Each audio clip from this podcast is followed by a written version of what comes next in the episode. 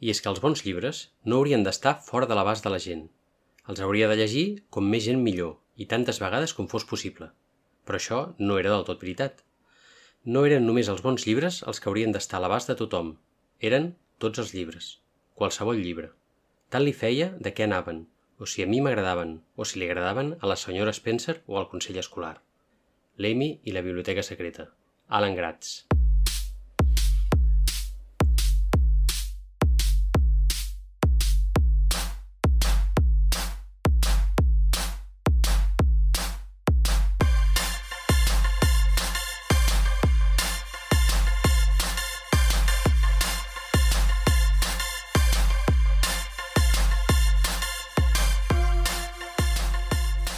Hola a tothom, benvinguts al segon episodi de Ràdio EBH, on fem aquesta mena de resum de les nostres activitats bookhunteresques, bookhunterils, no sé, Sergi, quin seria el nostre gentilici.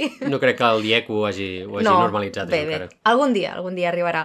Uh, doncs bé, farem una miqueta de resum del que ha donat de si el, el mes de març i una miqueta totes les coses que hem fet, de llibres, però també relacionades amb el món cultural. Sí, jo com sempre m'he preparat una mica de guió, ja saps que durant el mes doncs, em vaig apuntant coses que penso que poden ser interessants que, que conversem així en aquest eh, podcast que tenim més domèstic. Que quedi, que quedi clar que ets tu l'aplicat dels dos i això és així. Bon I s'ha de saber, s'ha de reconèixer, Sergi. Si hi ha una llista, jo hi, hi he de ser. Hi he de ser, hi he de ser involucrat d'alguna manera o altra. Llavors, eh, jo te la canto així una mica i després, eh, tal com vagi sortint. Mm, M'agradaria que presentéssim un nou format que hem iniciat ara aquest mes eh, de març. Que no és- teníem prou feina. No teníem prou feina, llavors ens hem embrancat amb un format que en principi no és que ens en tregui molta, diguéssim, no, bueno, no feina, sinó no ens treu gaire temps, eh, que és eh, aquest Substack que hem obert, que hem anomenat Substrat EBH no? que és un format que de moment eh, ens està agradant bastant fer i, i bé, en parlarem una miqueta. També, jo crec que el hit del mes eh, ha estat doncs, que vam assistir a dues eh, xerrades de dos autors de referència en aquesta casa, que són la Maggie O'Farrell i en Colson Whitehead. Curiosament o no curiosament, han vingut el mateix mes amb molt poc temps de diferència aquí a casa nostra a presentar els seus llibres, perquè deu ser que han vingut a aquesta època. Ui, no ho sé, no sé. No em ve res al cap per a mi. Mm. Ara mateix no, no, ho sé, sabem. sé. Bé, a part d'això, doncs, també vam assistir a una presentació d'una editorial que eh, a partir d'ara també publicarà en català, que fins ara només ho feia en, en castellà, i també m'agradaria que comentéssim mm, un parell de sèries que hem estat eh, mirant, eh, que són El conte de la serventa, però ja de temporada 5, perquè anem, Sí. anem al dia, i eh, Dopesick. I vull que les comentem perquè hem anat encadenant unes quantes sèries que estan basades en llibres. Sí. I no ho hem fet expressament, però potser ens criden l'atenció per, per això també. Però bé, que són dues sèries bastant impactants i penso que val la pena que, que les comentem una miqueta. També vam mirar un documental que, que aquest sí que era ben impactant, que es deia El sostre groc. I bé, per acabar també doncs, farem algun anunci només per als nostres mecenes de, de la xeta. Xin, xin, xin. Uh, deixem, deixem així la, la perla, a veure si, si algú s'hi anima. I bé, comencem parlant del que deia això del Substack. Vols explicar-ho tu? Substack, uh, bé, jo crec que molta gent ho, ho coneix ja, o almenys uh, jo crec que ja fa molts anys que corre, però aquí encara no havia acabat d'arribar, que Substack doncs, és com una mena de plataforma en la qual fer butlletins, no? Jo crec que és una mica una barreja blog-butlletí, i bé, nosaltres l'hem obert tot bé de, uh, el teu blog, Sergi, el Llibres i Punt, Sí. aquest blog que tens des de fa més de 10, 12, 13, 13 13 anys, anys, que fas totes les ressenyes absolutament tots els llibres que llegeixes i que tu hi tenies allà un sistema de subscripció que no estaves gaire content i doncs li calia una renovació, va Substack està apareixent més aquí a casa nostra i vam veure també que podia ser una cosa interessant i llavors vam dir, fer-lo servir només per les ressenyes? Que va, Per pues, què? sí, per, Per què? què? Per què? Si no tenim prou feina. I llavors, doncs, a, a la gent que se subscrigui al nostre Substack, el que farà és rebre les ressenyes de llibres i punt, però a més a més, no sé si de manera bisetmanal, potser ja anirem veient, Sí. ah, rebran també un butlletí una mica resum EBH, no? Així de què hem fet a Insta, doncs si hem anat a, a fer alguna cosa, alguna xerrada, alguna presentació, una miqueta potser de resum de YouTube, Instagram, no ho sé, no? Anirem, anirem veient una mica quins són els highlights que ens ve de gust destacar. Sí, la gràcia també és, a part de compartir eh, continguts que ja hem fet en altres xarxes, doncs, eh, posar-hi una mica més de, de, de formatge, no? eh, un format escrit, així que ens permet doncs, esplaiar-nos una mica, explicar més coses, potser fins i tot coses entre bambalines. No? Eh, per exemple, el, el primer butlletí que vam penjar vam explicar una foto que havíem penjat a Instagram, que clar, les fotos a Instagram no, no les expliquem, eh, i cadascú s'imagina el que sigui doncs eh, va resultar que amb l'explicació de per què havíem fet aquella foto, que mm, segurament ja sabreu que nosaltres les fotos a Instagram les fem temàtiques del llibre, tenen alguna relació amb el llibre que ressenyem, doncs eh, realment la gent no l'havia entès, o alguna gent no, no l'havia entès. Som, som massa críptics, som aquests, aquesta mena d'artistes contemporanis... Mm, no? Art artistes, eh? Si no ens ho diem nosaltres... Ja, escolta. això és veritat, això és veritat. Sí. Bé, doncs eh, eh, això ens permetrà una versatilitat que fins ara no havíem tingut. Mm -hmm. I, I bé, com a mi ja m'agrada molt escriure també, doncs eh, crec que és un format que m'agradarà fer. Bé, doncs, a part de substrat, passem a la següent cosa que, que havíem dit, que jo tinc ganes de parlar-ne, que són les, les xerrades, no? Que sí que és veritat que no som gaire... Uh, no som gent que anem uh, mensualment a veure totes les exposicions del CCCB, però escolta, últimament ens podríem fer passe sí, VIP. Sí, sí, sí. Uh, curiosament, les, les dues presentacions que hem vist han estat a, allà al CCCB, en dues sales diferents i en els dos casos amb moltíssima gent, cosa que ens alegra, no? Sí. en especial la de la Maggie O'Farrell, com, com dèiem a, a l'inici, vam veure la Maggie O'Farrell en Colson Whitehead i, i especialment la de la Maggie O'Farrell estava planíssima, o sigui, la sala a rebentar de gent. a mi això em va fer una il·lusió, sí, o sigui, sí, sí. em va encantar conèixer-la, no conèixer-la, òbviament, personalment no, no? però veu, ni que fos veure-la allà, en plan, no la puc tocar, però està allà i l'estic veient, em, em, em va sorprendre i em va flipar i em va encantar veure que fos capaç de mobilitzar tanta gent, no? Perquè, a més, es paga entrada, fins i tot, que, sí. que, és, que és gairebé simbòlic, són 3 euros, però es paga entrada.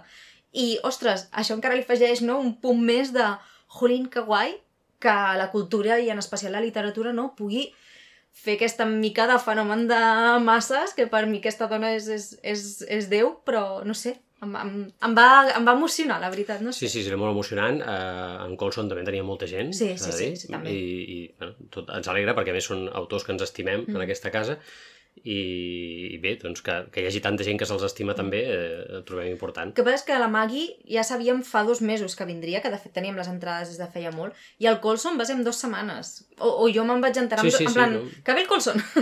Vam no? aprofitar, no, no estava sí, previst, sí. la Maggie sí que la teníem prevista i sí, molt sí. esperada, en Colson no, però igualment doncs, en vam gaudir moltíssim. Una cosa voldria destacar també, que és que nosaltres la Maggie O'Farrell la coneixem per les edicions que en fa l'altre editorial, eh, en català, eh, nosaltres solem llegir en català, però la presentació aquesta vaig veure molta gent amb els llibres en castellà, que publica Asteroide, si no m'equivoco, i hi havia molta gent també en castellà, que a nosaltres ens sorprèn perquè jo hagués esperat veure tots els llibres de l'altre editorial uh -huh. eh, allà i no, realment hi ha molta gent que viu a Catalunya, viu a Barcelona, no sé d'on venia tothom que, que hi era. Jo, vam veure alguna gent que venia de lluny per veure la Maggie, que això sí, també sí, està sí. molt bé. Important, eh, mobilitzar-se, mm, no sabem des d'on, però, però venir a Barcelona un dia entre setmana a veure una autora que admires. Ho fem per altres temes. Mm, sí, per fer un concert fots un viatge de l'hòstia. Per exemple, per mm -hmm, un concert sí, sí. o per, fins i tot per competicions esportives, es viatja, et, et mobilitzes molt i sembla que no ho puguis fer per un autor, mm -hmm. un escriptor o una escriptora, i sí, escolta, eh, sí, sí. també... Respecte a això que deies de les versions en castellà, al final això és una mica el de sempre, no? Que vivim en una bombolla nosaltres. Que tothom llegeix en català i tothom compra periscopis, altres males herbes, etc etc etc per dir-ne algunes només, i no, i això no és així, llavors és una mica un cop d'efecte de, de nosaltres sortir de la bombolla en la qual ens pensem la veritat és que tu has dit, jo no sabia qui publicava Maggie O'Farrell en, en castellà, perquè per mi Maggie O'Farrell és l'altre editorial.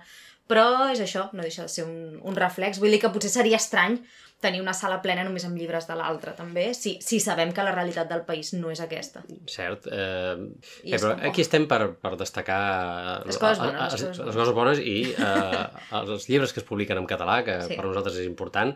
Per tant, mm, a mi m'agradaria que parléssim una mica de Mario Farrell, també de Colson Whitehead, i això és indissociable de parlar d'edicions del Periscopi i de l'altre editorial. Sí. Llavors, eh, jo et pregunto, no, no sé si preguntar-te quin dels dos autors prefereixes, perquè jo crec que això... Entre el papa i la mama, eh? Sí, és el que sempre se sol dir. Parlem primer de la Maggie, potser, que és la segona que vam veure. Tu, de Maggie O'Farrell, a dir, 4, 5 llibres, no, no ho Quatre. sé. I quin diries que és el que t'ha agradat més? Hamnet. Hamnet, Sí. segur? Clar, a veure, no m'ho facis pensar molt, molt, molt. Sé els dos que més m'han agradat i els dos que... No, no menys, però que són...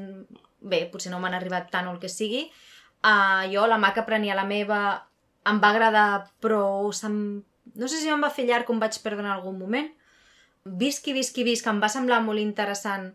I, de fet, és una de les coses que em va motivar anar-la a veure, eh? perquè vaig dir, amb la vida que ha tingut aquesta dona, ara que ve a Barcelona anem a veure-la en persona perquè no se sap mai, no? Um, I visqui, visqui, visc, doncs no sé, o sigui, jo el problema que tinc és que crec que sempre m'arribarà més una novel·la que no pas una autobiografia i això és, i això és així, és una pròpia cosa del gènere, jo crec.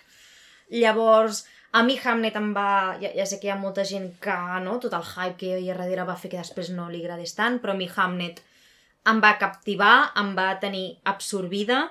Hi ha una escena que és extremadament cinematogràfica de quan s'explica com va sorgir la pesta. I ella va descrivint tot el camí que fa la puça que jo vaig acabar allò de llegir i ho acabes de llegir, et vols aixecar i aplaudir com si estiguessis al teatre, em va semblar un fragment meravellós.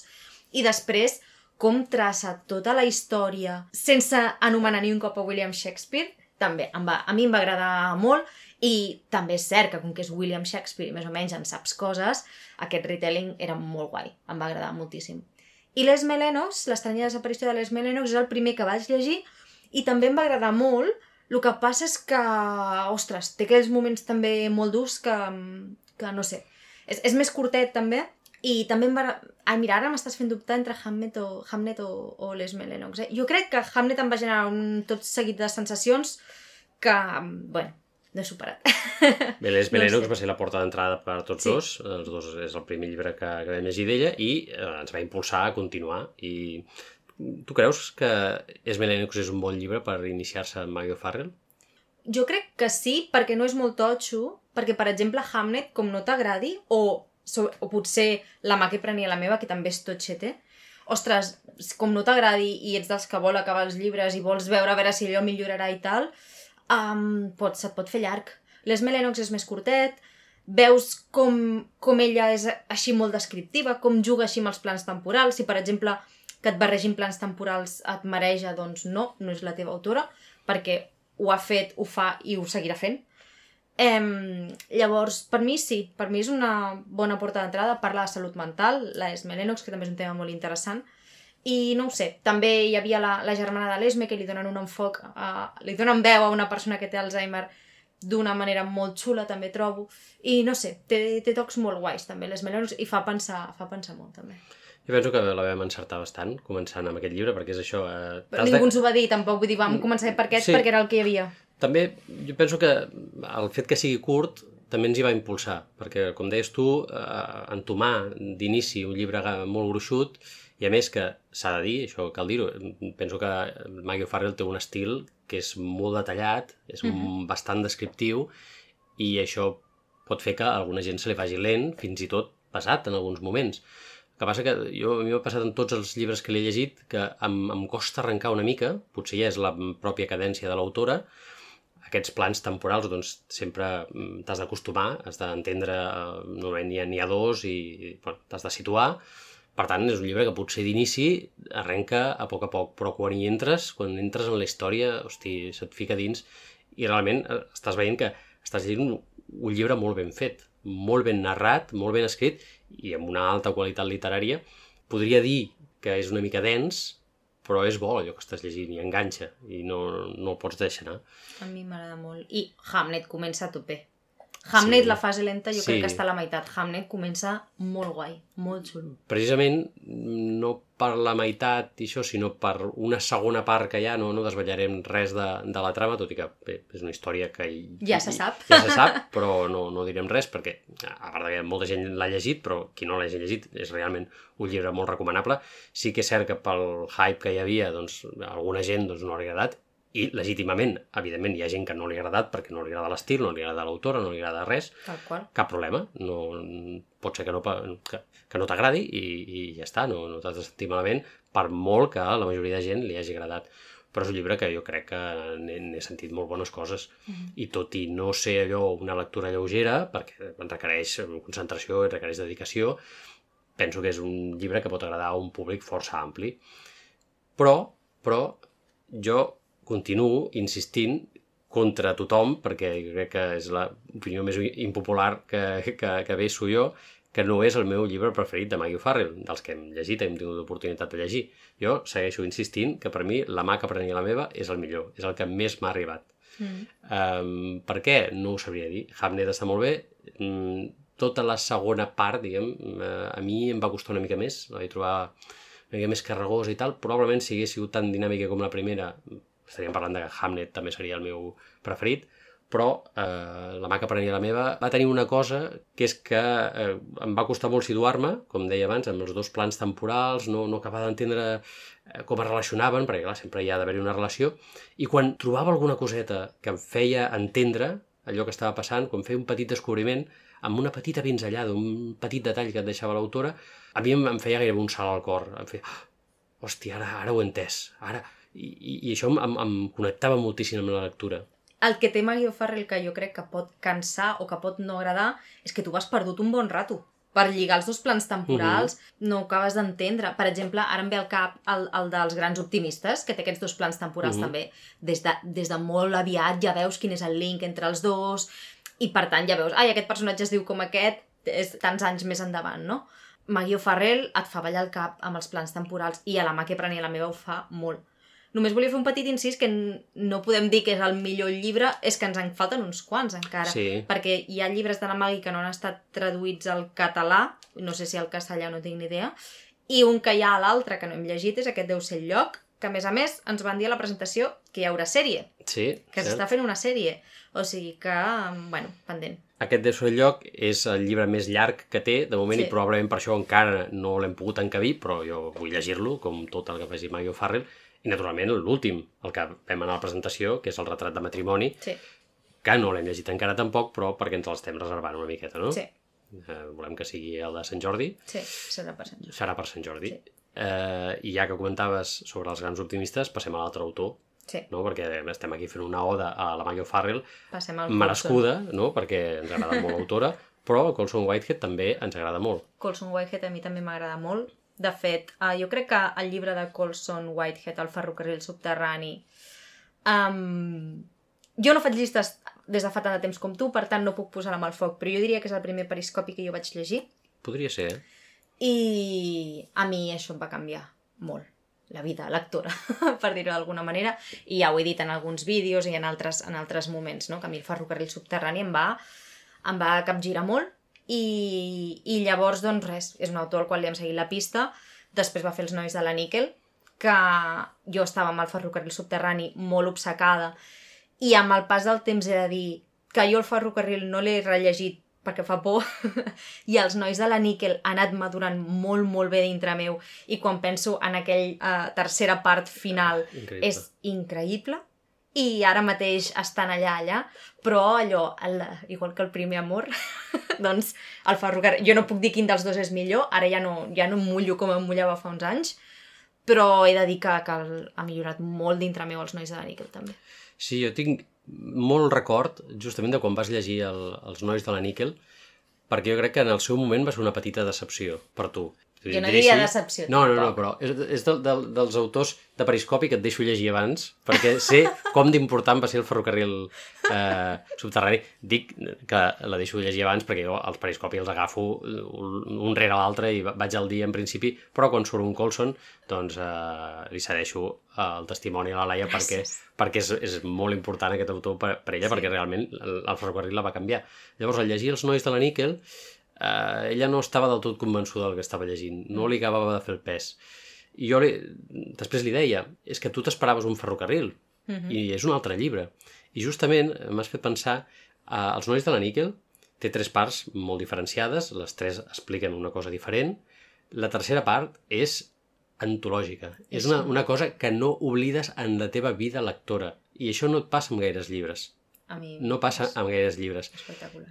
Eh, és que et capgira, és que no, no pots imaginar-te. Allò és una cosa... Allò que deies abans del petit salt al cor. Bueno, allò et fot... No, no, no, Allò et tens fa un infart de miocardi. Un infart de miocardi, sí. Mm, perquè realment és increïble. I això és cert que a mi em va agradar el llibre en llegir-lo, mm, poc temps després de llegir-lo encara m'agradava més i amb el temps, amb la maduració, jo penso que els dos llibres estan al mateix nivell, si no, els nois de la níquel encara Sí, millor. sí, sí, sí. És un tros de llibre a descobrir i també, com deia la Laia, jo si hagués de triar rellegir-ne un o altre, tornaria a llegir Els nois de la níquel, tot i saber que, que aquest impacte que et fa aquesta tercera part no me la farà perquè ja, ja, ja ho sé, passa. però jo crec que m'agradaria igual. I això m'ha fet pensar també amb, eh, amb l'escena de, de Hamnet que comentaves abans, no? la, Mm. la de la puça i com arriba la, la pesta. I són dues escenes. És un capítol, tots els capítols de, de Hamnet són força llargs, el capítol on explica això de la pesta i la tercera part dels nois de la níquel, eh, podríem fer un Hall of Fame De moments de moments lectors eh, increïbles, de, de llibres que recordes, per, ja no perquè el llibre t'hagi agradat molt i tal, o sigui, hi, ha, hi ha llibres que a mi m'han encantat, que mm, recomanaria a, a molta gent o a una gent concreta i que, mm, sense por d'equivocar-me, per dir-ho així, i que no tenen aquell fragment, aquell capítol que et capgira. I, i ara te'n diré més per posar-te més hype al, al hype que ja hi ha existent. Per mi, i no sé si la gent pensarà igual, però el demà, demà i demà de la Gabriel Zevin té un capítol que està a l'alçada d'aquests. Veurem, perquè òbviament el llegiré aquest també, perquè és que, clar, és que no... Va, a mi no m'espanta el, el dir, ai, és que pel hype, ja saps que si no després dic la meva frase uh, magistral de no n'hi havia per tant no i ja està. per tant.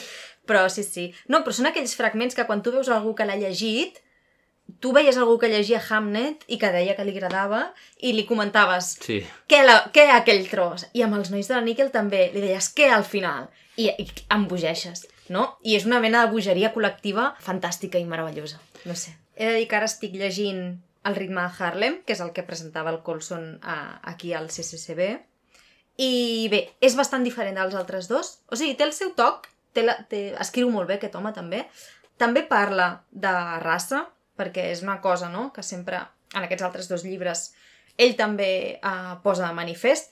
A la presentació ens vam enterar de que fa 10 o 12 anys, no sé quants anys, havia escrit un llibre de zombis, Ah, sí? que dius, molt bé, Colson. Molt variat, molt molt variat variat, molt versàtil aquest senyor. Um, però bé, aquest uh, parla de Harlem als anys 50-60 i hi ha doncs, discriminació racial, hi ha també com batusses amb la policia i tal, però sobretot va de gent que s'intenta guanyar la vida fent una mica uh, negocis per darrere, no? I bé, està sent molt diferent de les altres dues lectures. Jo estic en un moment lector fatal ara mateix per temes uh, de feina i per tant uh, el tinc super arraconat, pobre. Vull dir, no l'estic llegint amb fluidesa, m'afectarà també. També penso que potser si tingués alguna cosa d'aquelles um, no, que et criden, que tens el, el llibre a la tauleta de nit i et crida, uh, estaria llegint més i tampoc m'està cridant. Però, però m'atreviria a dir allò de no ets tu, Colson, sóc jo. bé, li, li farem justícia perquè evidentment és un llibre que també voldré llegir jo i que no trigaré gaire a fer-ho Mhm. i veurem a veure si està al nivell dels altres dos, però bé, mm, reivindiquem aquests dos autors que comentàvem. Uh, ja per acabar i tancar una mica aquest tema, ells com a persona, ja sa- sabem que venien a vendre el seu llibre, eh? però mm. què tal? Perquè jo em vaig divertir bastant a les Són presentacions. catxondos. Sí, Són, tots a, dos. A, a, mi em van semblar...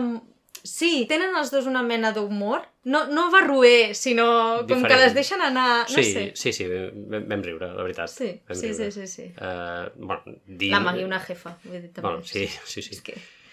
dir de, de passada, que no, no hem comentat, però que eren unes xerrades aquestes que es fan al CCSB, que tenen eh, una presentadora, en aquest cas, eh, d'això. El Colson el va presentar el Miriam Cano Sí, i eh, la Magui l'Anna Guitar. la guitarra, sí. I molt bé. Molt bé, molt Ens, ens van agradar molt les dues presentacions. molt xulo. Dues tardes molt guais.